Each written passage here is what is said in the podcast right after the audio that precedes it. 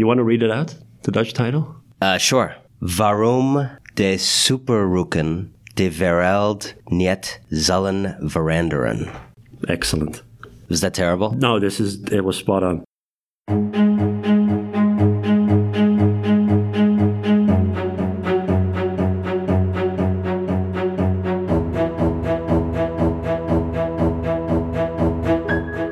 But the idea of the book is that a lot of the extraordinary elite generosity of our time is part of how we uphold uh, a lot of the extraordinary elite hoarding of our time.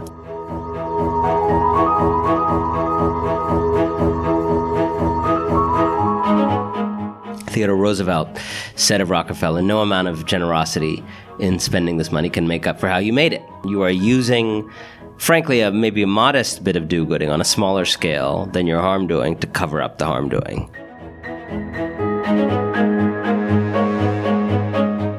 Capitalism is truly a culture, and solutionism is an aspect of that culture.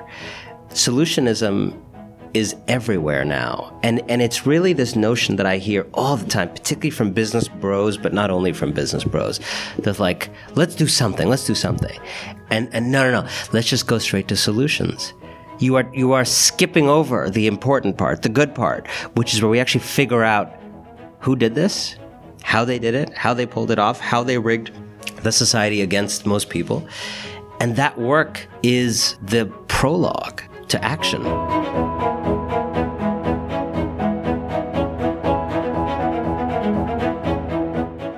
Hi everyone, welcome to the podcast. My name is Armin Hakverdian. I'm a political scientist at the University of Amsterdam. You can follow us on Facebook or Twitter. You can subscribe to this podcast in whichever podcast app you use. If you do so, rate and review us. I appreciate it. So I wanted to do a little bit of housekeeping before I bring in Anand. I started recording regular episodes for this podcast last year to accompany the Dutch political science blog Stuk Rood Vlees. All of the early episodes were in Dutch, but that started to change with our regular Brexit therapy sessions with Rob Ford. Uh, speaking of which, I should I should give him a call, uh, given what's happened today. Um, you know, but then I started recording more frequently in English, and um, you know, unfortunately, the name of the blog and the podcast isn't that international. So, Stuk Vlees roughly translates as piece of red meat. So, we named the blog after something our prime minister said about not jumping on every piece of red meat that people throw in the political arena. But I've decided that for international episodes, I'll just call the podcast the SRV podcast. And uh, after a while, only real insiders will know what that really stood for. Uh, kind of like with REM, and what works for REM will work for SRV. So in Dutch, it'll remain the Stuk Rood Vlees podcast, but in English, it's the SRV podcast. So let's go over to today's guests and, um, you know, what a guest he is. I am joined by Anand Giridharadas. He is an editor at large for Time. He's an on air political analyst for MSNBC and a visiting scholar at the Arthur L. Carter Journalism Institute at New York University. Anand wrote a controversial yet irresistible book called Winners Take All The Elite Charade of Changing the World. And it has finally been translated in Dutch under the title Waarom de superrijken de wereld niet zullen veranderen. I talked to Anand about billionaire philanthropists and the harm they inflict on society, the system that keeps them in power, why today's tech monopolies are so much more harmful than the steel, oil, and railroad monopolies of old, and we also talk about the curse of solutionism. You can follow Anand on Twitter at Anand Writes, and you can visit his website, anand.ly. So that's all for me. Have fun with Anand Giridharadas.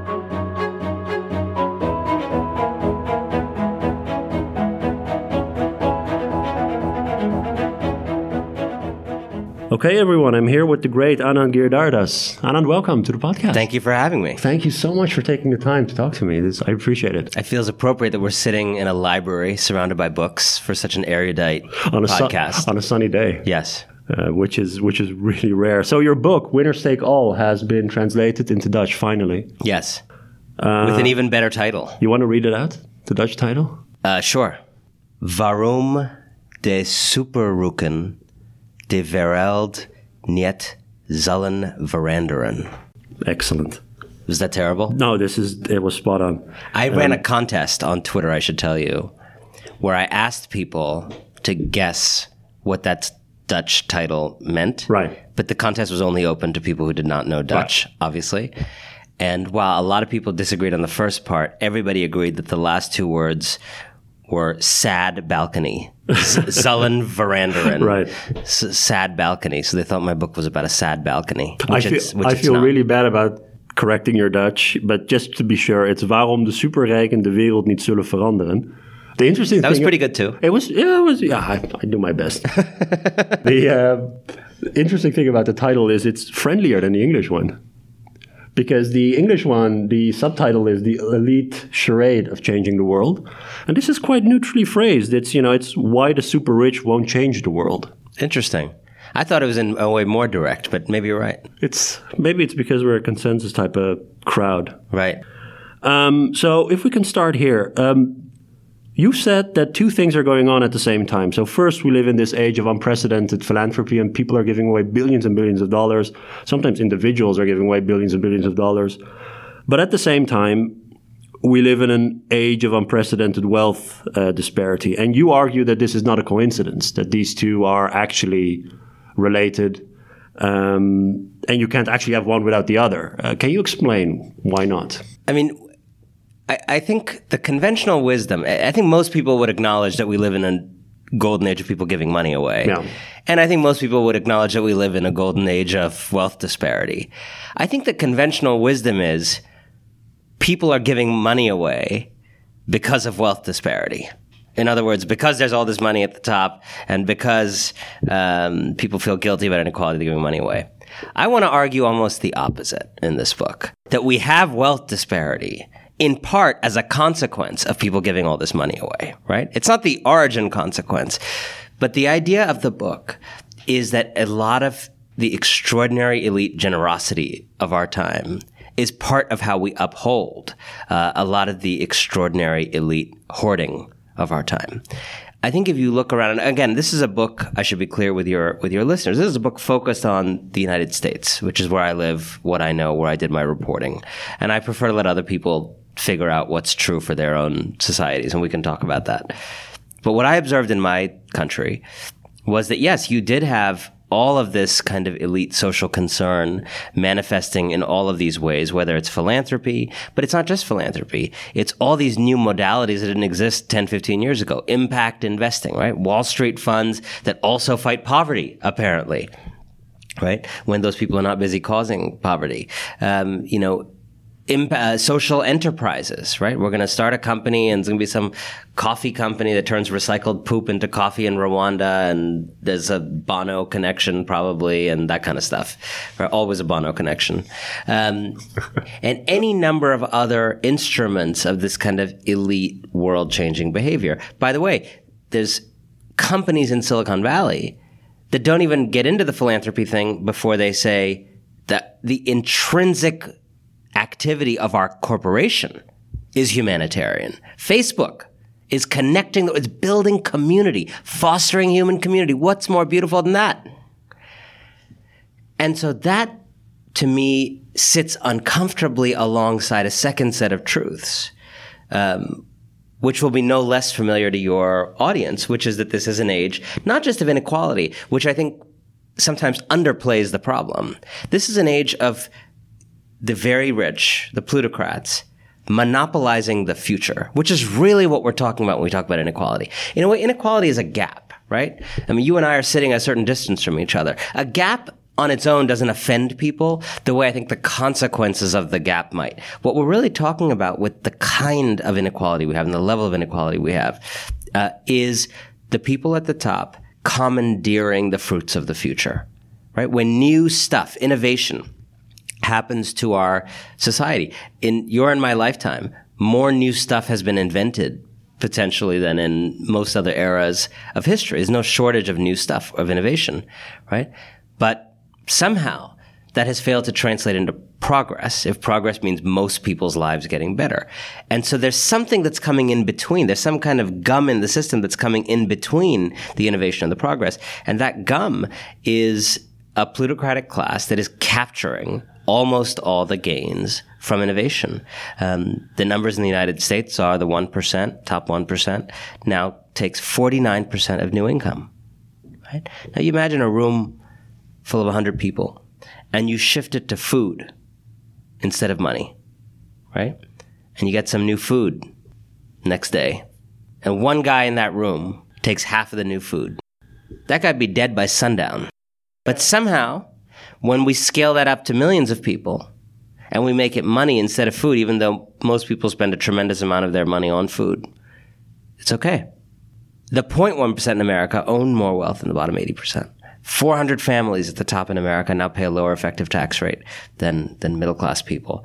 Um, so if it's a form of predatory behavior, you said in the past. I, I think what is so fascinating is that we live in a time in America. I, I think that the elite in the United States and, and in certainly many other countries has a claim to be one of the most socially concerned elites in history. I think that's. I actually think that's real. Can, right? can I? Can I? but I also think they're one of the most predatory hmm. elites in history. Because so if we go back 150 years in time, where you also had super rich people with monopolies, I think inventing maybe this model of the sort of billionaire philanthropist. How is that different from now? Because it seems like a American thing. Yes, and it's not that different from now in a certain way, but except for what, what is actually different is our reaction to it. Hmm. So you're exactly right. 100, 150 years ago, um, Industrial Revolution, the first Gilded Age. I believe we're in a second Gilded right. Age now. Um, in that first Gilded Age in the United States, you actually had the birth of modern philanthropy, right? I think what we could describe as happening before that was really charity, right? So that charity is an old tradition. You have it within Islam, you have it within other religions, you have it, you know, which is often described as the many helping the many, or people right. with a little more helping those with a little less, you know, or associations or different things, right? What what started to happen towards the end of the 19th century, early 20th century in America was really something qualitatively new, which was such large fortunes accumulating the coal and steel and these other new industries that the kind of money people were proposing to spend charitably automatically put them at a quasi governmental level, just in terms of their effect on society, right? Um, I mean, today in America, philanthropy is is on track to yep. get to a place comparable to federal discretionary yep. spending. It's unbelievable, right? So that was a new phenomenon where you could start to have Rockefellers and Carnegies exerting themselves in the society to do good causes in a way that was going to rival like the budget of certain states. And what was so interesting, and I think uh, is a forgotten heritage, is when that started to happen, when they literally were petitioning, John Rockefeller petitioning the U.S. Congress to have a legal modality, a foundation, which didn't exist, uh, to to give this money away. He was turned down. You know, Carnegie, Rockefeller, they were all criticized for doing this. And the company was split up. Correct. And the reason they were criticized, even when they wanted to give money back, was a few things. Uh, a, a, kind of skepticism of them that, frankly, I have been trying to urge us to reclaim. Number one, Theodore Roosevelt said of Rockefeller, no amount of generosity in spending this money can make up for how you made it. Right? So, the, the, so concern number one is the greenwashing concern. You are using, frankly, a, maybe a modest bit of do-gooding on a smaller scale than your harm doing to cover up the harm doing. Right? And I think an implication of that that I would push further is to say it's not just about past versus future. Sometimes the future philanthropy lubricates continued harm doing, right? You may still be in both games. You may still own your monopoly. You may still be killing people with your pharmaceutical. Um, second, there was a concern, even when the first thing was not an issue, even, even if you didn't make the money in any dishonorable ways, there was a concern about the power of unelected private people in a democracy, right? Um, so I often call, call this the Serena Williams case, right? Like, unlike a lot of people who are very rich, Serena Williams did not harm people to become very rich, except like all of her opponents that she defeated in tennis, right?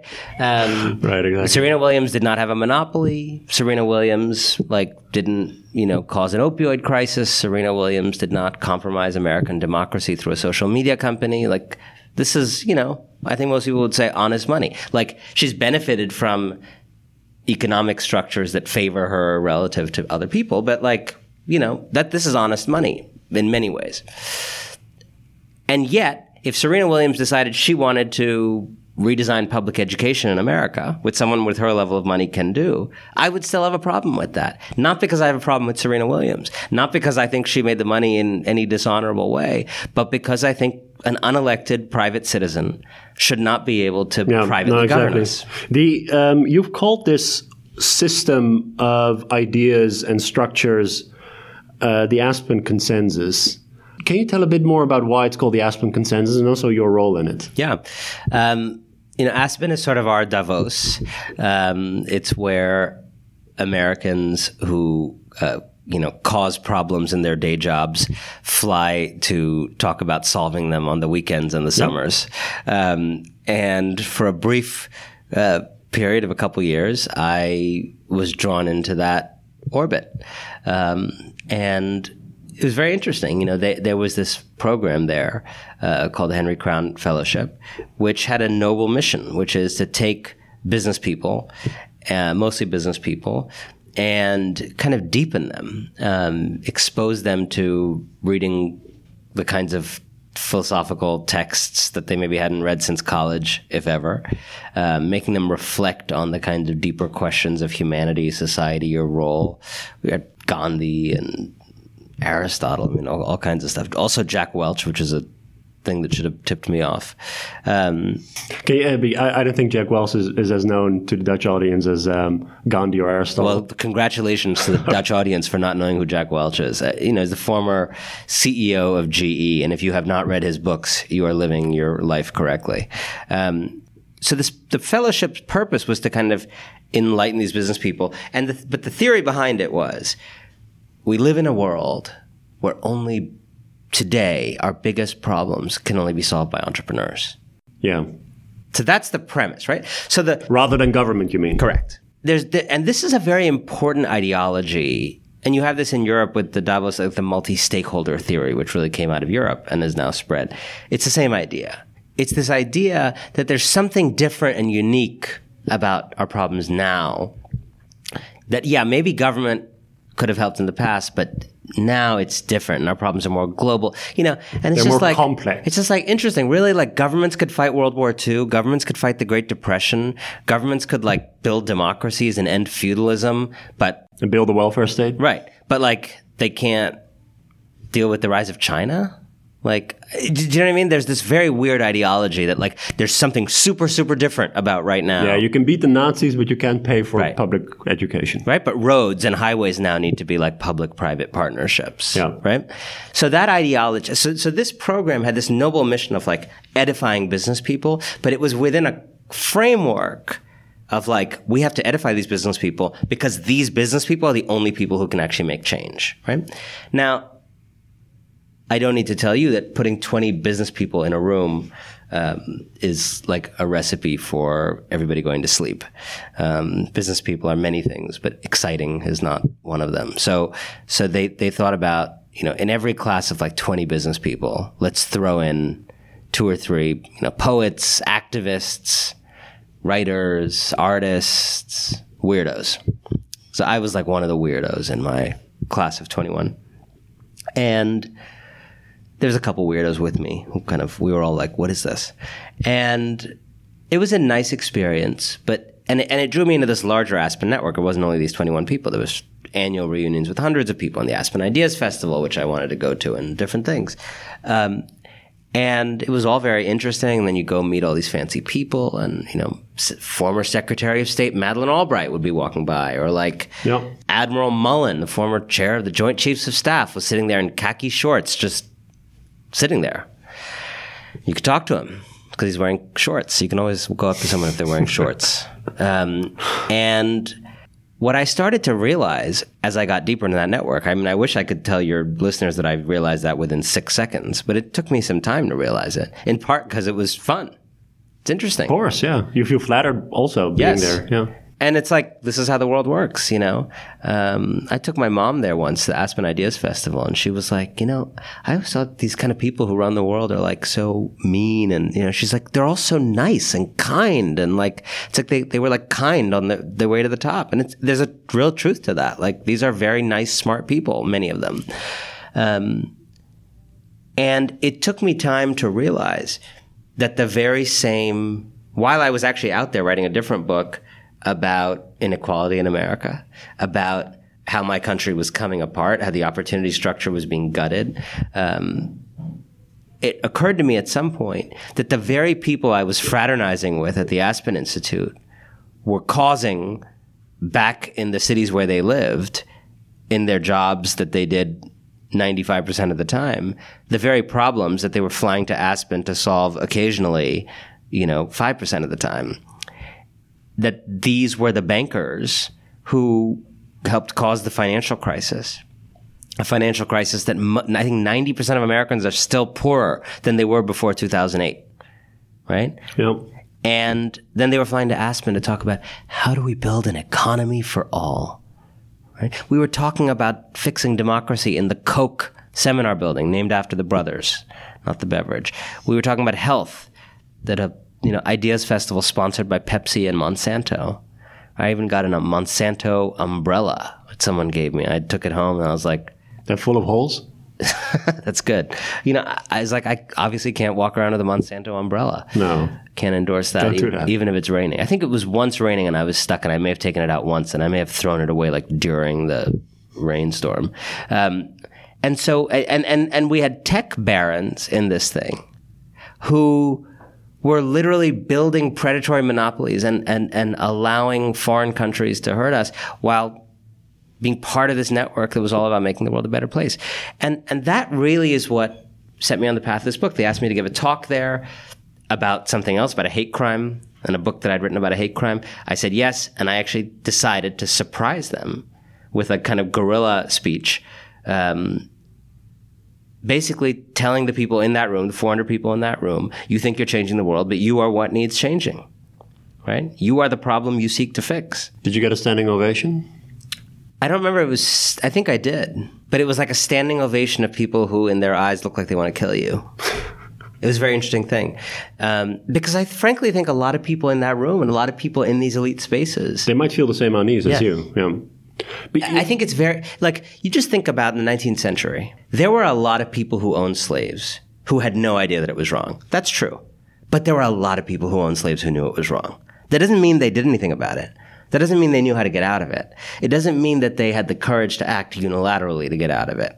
It doesn't mean that they organized against it, right? But there are moments, particularly when these systems are straining and about to break, when a lot of people, even within that power structure, know that power structure has to go.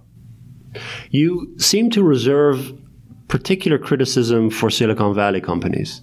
And also, what you were talking about a minute ago, comparing sort of these steel monopolies to, let's say, some of the tech monopolies we have today. I mean, steel and oil and uh, railroads and all that stuff seems to be different from information, which is what Google has a monopoly on, or what Facebook is Yeah. doing, or what Amazon is doing. What, wh- why, why do you re- reserve particular sort of vitriol and criticism, which I completely agree with, by the way, for Silicon Valley? Because that's also where the most, so you know, quote unquote, liberal billionaires And, and, located. and that that's true. And by the way, I think they've gotten a pass for that. You know, when, Yeah. when, when you had a president as thoughtful and, and, and wise as Barack Obama, he, you know, consulted and had these discussions with people like Reid Hoffman and Mark Zuckerberg, you know, who are, who, who I think are, are pariahs that Barack Obama should have been investigating uh, through his Justice Department, not uh, you know, not uh, not lionizing. Right. Um, we we we, as you say, went heavily after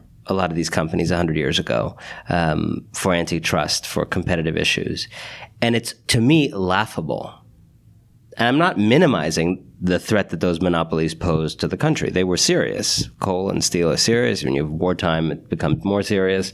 But to me, it is laughable that we worried as much as we did about someone having all the coal and someone having all the steel and someone having all the railroads.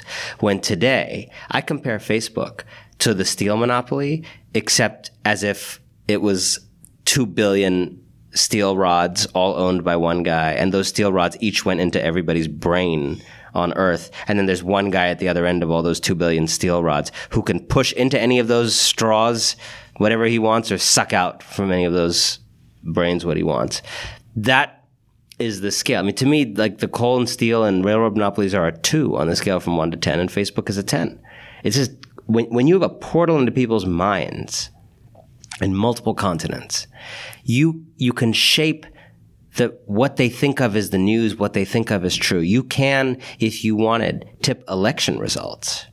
Yeah. Right? Um, Control the entire internet in some countries. Yes. The idea that we worried and fussed more about people owning railroads than that is insane to me. The fact that we have not broken up any of these companies is insane to me. Um, and I believe people like Mark Zuckerberg, particularly for his role in the 2016 election in America. I, mean, I think we need to move the Overton window of this conversation. We need to not just talk about breaking up these companies. We need to talk about criminal exposure. I am not, I am not confident sitting here today that Mark Zuckerberg did not commit crimes under U.S. federal law. And I would love to be confident that he didn't. And, and that should be properly investigated. So some of your critics have come after you saying that, well, you know, your solutions are, you know, government, government, government, and um, that you know actually it's the dysfunction of government that these philanthropist billionaires uh, make use of. Um, what's your response? What so why are you so confident that a government would be able to tackle some of these problems that people like Bill Gates or Warren Buffett or right. whatever you, uh, go after? You've raised the fundamental issue, which is uh, the, the thing people do say to me the most often yes, in an ideal world, it would be great if our public institutions solve these things. But they're not up to the task. They're not doing it. They're failing. So here we are with money and, and influence, and we're going to do it. That is a little like when I find myself sitting in front of some French fries, and I'm like, well, look, in an ideal world, these French fries wouldn't be here, but they're here now, and I'm going to deal with this reality, and I'm going to eat these French fries.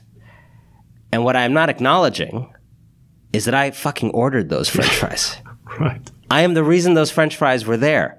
So deploring deploring the presence of the french fries and then saying I'm going to eat them as a capitulation to reality is a little bit rich when I ordered the french fries. Yeah. And and so when it comes to government being dysfunctional, or strapped for cash or incapable of solving some of these big problems. It is in many ways because of the plutocrats who then use the consequence of what they did, who use the fries arriving because they ordered it to justify them needing to step up. So here's how it worked.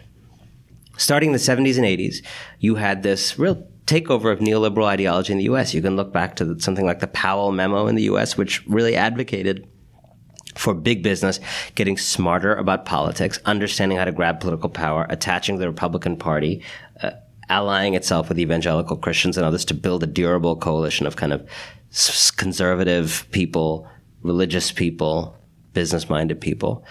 And successfully found a way to essentially build a party that represented the interests of the top 100,000 people in America, um, but branded itself as representing the interests of, you know, tens of millions of people. And this was an incredibly successful movement. Ronald Reagan says government is the problem. Bill Clinton, then as a Democrat, says the era of big government is over. Margaret Thatcher says there's no such thing as society, only individual men and women. Right? They have to look to themselves first. Um, Barack Obama starts the, you know, a, a real liberal community organizer. Uh, his first office that he creates in the White House of his own is the Office of Social Innovation, and its website says top-down solutions from Washington don't work anymore. This is a, both a remarkable and a false statement. Barack Obama could only vote thanks to a wonderfully successful top-down program from Washington called the Voting Rights Act and the Civil Rights Act. So the idea of government being bad incapable, right? The right thought it was evil. The left capitulated to the idea that it was kind of bumbling and ineffective. Um, the private sector is good. Bill Clinton said to me, I interviewed him for the book. He said to me, it's always better if you can make it work in the private sector, right? We were talking about soft drink companies abusing their market power to sell stuff to kids in public schools and give them childhood obesity, right? I almost like crafted that example to come up with a paradigmatic case of where public action is warranted. It's a public school, like the government owns the school. These are children who do not have an opportunity to like file lawsuits or vote or fight these companies in any other way. You are putting private companies that are very well connected in Washington, getting their vending machines in these schools. Kids are getting diseases and are living shorter lives because of it. Like, it's hard to come up with in a political theory seminar, like a better case for where it might be okay to rouse the government to do something about it, right? And he was like, on that issue, I worked with the soft drink companies to try to get them to do smaller cans. That's the innovation. Smaller cans. Let's give these kids diabetes at a slower rate. Right, exactly. But let's make them drink two cans to get the same level of diabetes. You know, and he said, Bill Clinton, a Democrat, it's always better if you can make it work in the private sector. Right? And I said, why? And he said, because the companies still need to have a business model. The idea that we just capitulating to what companies need first infected both parties in the United States. And the Democratic Party also became a neoliberal party. So, in this and so many other ways, this anti government ideology took hold. And big companies benefited, rich people benefited, lower taxes, less regulation, um, more money in the stock market, less money to workers. And as the culmination of that journey over a couple decades, you ended up in the predictable place you're going to end up, which is a lot of large fortunes, much yep. larger fortunes than you would have had if you hadn't done that revolution, right? Um, a lot of festering social problems that you wouldn't have had had you had a higher minimum wage and more affordable housing and more capable government. And number three, government that is strapped for cash, does not have the best resources, doesn't have you know necessarily the pick of the top talent because everybody's going to the private sector. And so now we're at the French fries moment where big business and rich people pretend like everything I just said hadn't happened and we're just living in the moment day one starting now and they say gosh what a shame all these problems and uh, government's bad yeah and only we can do it but it's it's also strange that we're not talking about government making cars or making the soft drinks we're talking about private enterprises, big private enterprises taking over um, collective goods. Yes. So and this is very the, important. The fight very, isn't even about about governments interfering this, into markets in some areas. this is such an areas. important point. Look, we're sitting at a table right now with all kinds of objects on it: flowers, vases, glasses, water, a book, sugar. The English version of your book that you're going to be signing for my wife. Yes, a salt shaker, jackets, scarves. I don't want anything at this table, including this recording equipment, to be made by the government. I don't want the phone in my pocket to be made by the government. I don't want these jeans to be made by the government, right? I don't want the airline I'm flying in tomorrow to be manufactured by the government. 99% or whatever percent it is of activity in the world, of transactions in the world are private and will frankly remain private in a Bernie Sanders administration, right. in a Donald Trump administration, or anything in between. Right? Eh, like what, what, we, what we are really talking about here, frankly, is our biggest shared problems, right? Which is a very, actually, a small fraction of what goes on in our society, right? It's a small fraction of the overall activity. But when you talk about how do you empower women, given the history of patriarchy and oppressive social structures on women. How do you empower women to play the full roles that women can play? That is an example of a problem that is unlike manufacturing sugar. That is a collective action problem that can only be solved at the level of democracy through shared institutions. When you ask, how do you deal in the United States with the legacy of slavery, the racial wealth gap, the legacy of segregation, mass incarceration? That is a problem unlike selling flowers. That's a problem that necessarily requires a collective democratic solution. When you say, you know what, the nature of work has changed, technology is automating things. China has taken a bunch of jobs from high school educated men. Uh, that's a problem qualitatively different than selling bottled water. It's not the kind of problem that can be solved by private actors acting alone. It is necessarily a collective democratic problem. But to be very clear, we are only talking about these types of problems. And the people who want to fight what I'm suggesting want to convince you that we either have manic hypercapitalism of the kind practiced in America, or we are all living in Maduro's Venezuela. Right? That these are the two choices. Manic hypercapitalism or gulags. You know, the other day, this Grover Norquist, who's this very influential anti-tax activist on the right, um, and and also a stand-up comedian. I, I, have to say, his economic ideas are funnier than his than his comedy. Um, Shots fired. Yeah. um, he, he, you know, he was he was talking about. He was on Twitter. He did a tweet where he compared. Um, government. He's talking about you know deriding government funded stuff like pyramids, empires, money losing light rail that no one rides, and gulags. It's like in their mind, light rail and gulags are like part of the same thing. Um, and Gabriel Zucman, who is a great tax scholar, one of Piketty's colleagues, um, had this great comeback of like, oh yes, the well-known slippery slope from light rail to gulags, right? And I think that is yeah. what these people want us to believe, right? That you and I are sitting in this room one day, just free, free people, and then someone builds like a really yeah. convenient train, and you get on that train because it is cheaper and more environmentally conscious than the way you were getting to work before, and the next thing you know you are living in chains in Venezuela. That's how it works. Right. Yeah. You can flip the argument. You can say, well, yeah, it's nice that I have a, I have a nice phone here that's made by a private company, but next, next thing you know, the army gets privatized and you have to hire your police companies to I mean, there's all sorts of slippery slopes the other what, way. But I think what's interesting about that slippery slope is there's a truth to it. right. So um, I wanted to focus a bit more on the role of higher education and all this stuff. Um, in the Netherlands, I don't know the U.S. Uh, situation that well, but in, in the Netherlands, we live in this era where the politicians that are responsible for higher education policy they value short-term market-based degrees over the type of stuff that you and I studied um,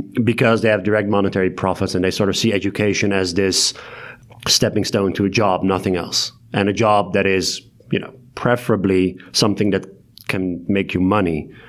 Um, and the social sciences and the humanities get squeezed for funds because they're seen as useless or aloof or abstract or liberal or, or whatever it might be. Is that something we should be worried about? Because it seems to be quite compatible with this Aspen type consensus stuff yes.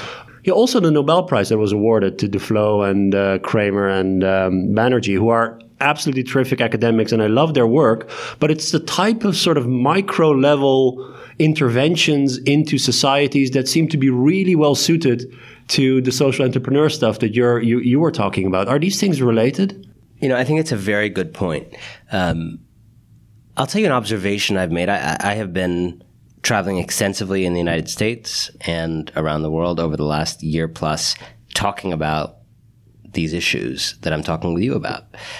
Talking a lot with young people, in particular, young audiences, people in colleges and universities, including last night um, in Rotterdam, about the idea of change. How do you make change? And, and kind of what I call real change versus fake change. A lot of this you know, plutocratic change is fake change, in my view. It's change that changes nothing fundamental.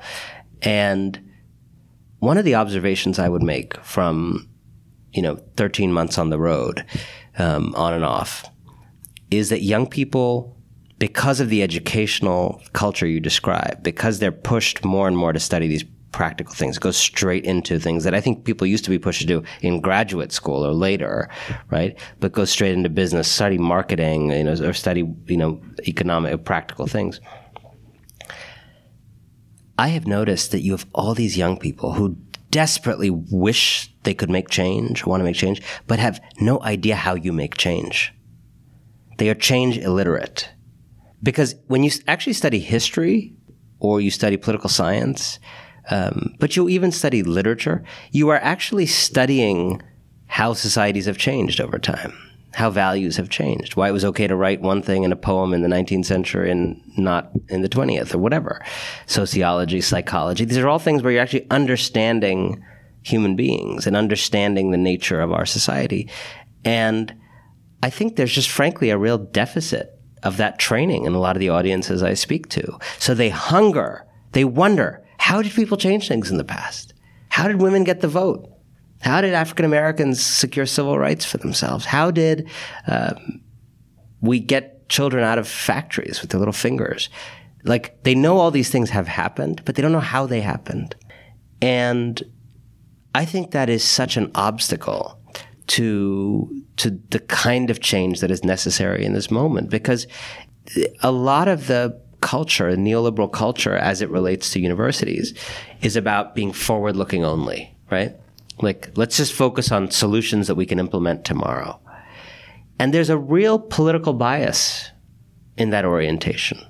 People always come up to me. It's always like men with like venture capital vests um, with some conference name written on it. And they always come out to me and they say, you know, um, hey man, uh, good book, cool book. I, mean, I didn't read it, but um, uh, like, how come you don't? How come you didn't write a book of solutions? And I always feel like the, the desire for solutions that they're professing masks the real desire, which is for premature absolution. They want to be let off the hook fast before they can do anything else. I would argue that something like what white supremacy did to black people, what patriarchy did to women, and frankly, what I call capital supremacy has done to majorities of people in many countries around the world, um, is a crime of a kind. It's an offense by some against others. When you have a crime, if the investigator shows up on the scene of the crime, the detective, and the first thing they say is, you know what? What's done is done. The past is the past. Let's not dwell in the past. Let's focus on moving forward and how we can solve this problem going forward. You think, this is a very bad detective. I mean, yes, absolutely. Let's absolutely make sure no one commits this same crime again in some other location. Absolutely, yes. But what we're doing here, and part of the way we in our society decide to make sure crimes don't happen in the future, is by trying to figure out what happened here. If you ever have a doctor, you go into the doctor and you say, you know, I, uh, it really hurts when I walk suddenly, and you know, the entire right side of my leg is turning purple and I can't really see very well anymore. And this has all happened in the last four days. And your doctor takes a quick look at you, like pats your cheek a little bit, you know, and then opens a drawer with pills or takes out a knife. You should like run from that doctor. But he has a solution. There's a certain amount of diagnosis, right. a certain depth of diagnosis we should all insist on. Yeah. You know, and we laugh, but like, but seriously, if a doctor did that, you would get the hell out of there. Of course. But how come we have no space for diagnosis as a culture when it comes to our society? Something that is frankly even more complicated than your purple leg, right? We're suddenly thinking about why are these countries that we live in so angry, so full of resentment, racial resentment, um, economic resentment, these toxic forces? Why do people vote for things like Brexit and Trump? Why do people feel like the game is rigged on the left and the right? And, and no, no, no. Let's just go straight to solutions. You are, you are skipping over the important part, the good part, which is where we actually figure out who did this, how they did it, how they pulled it off, how they rigged the society against most people. And that work is the prologue to action. Yeah, of course. The um, again, I don't want to I don't want to pile on these Nobel Prize winners because they're, as I said, I, I really like their work. But you could you could couch it in their sort of randomized controlled trial terms.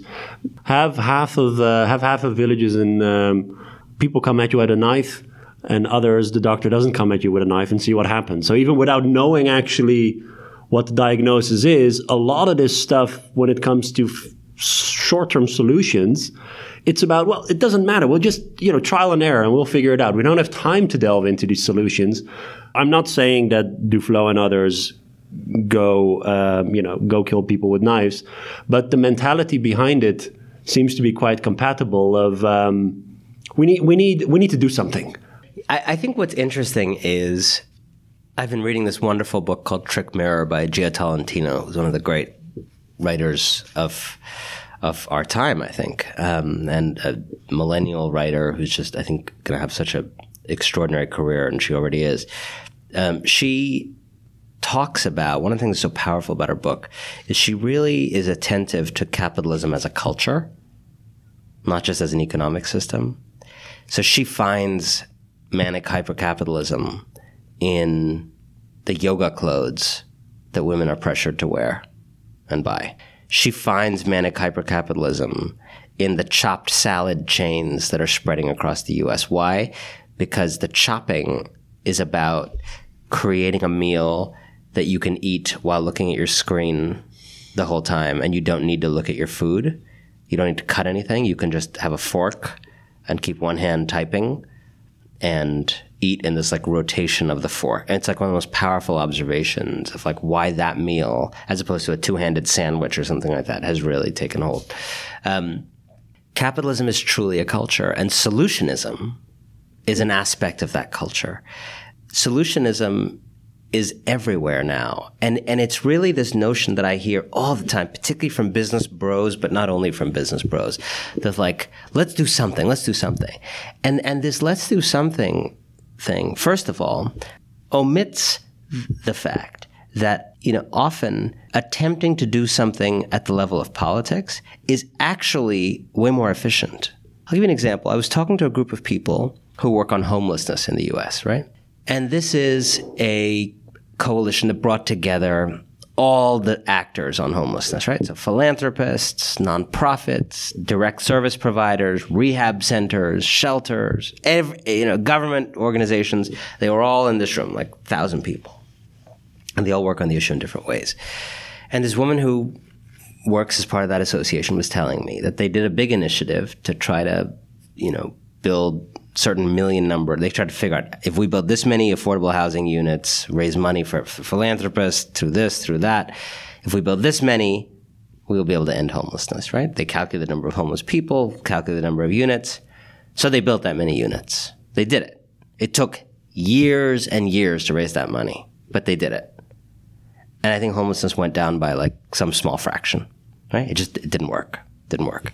Um, and she said to me, given the man and woman hours it took to raise all that money, to coordinate like hundreds of different organizations to work together, like if we had actually just spent that time and years trying to get one item into the federal budget to deal with that issue, it may have had 10 times the consequences on society, right? So this notion that the private bottom up solution is easier is belied by the fact that government is actually an extraordinary tool of leverage that is highly efficient because it's actually a way to solve a problem for everybody at scale overnight if you can get it done. Um, and we have created this false dichotomy that I think the homelessness example disproves that somehow the private stuff is easier. And, you know, you, you want to fight climate change privately? You think that's easier? You think that's faster? There are literally millions of corporations in the world, right? So now you have what, 100, 200, 1,000, 3,000? How many are going to sign these like pledges that are now going around? The 1.5 degree pledge. I mean, fantastic. Great. I'm glad companies are signing pledges.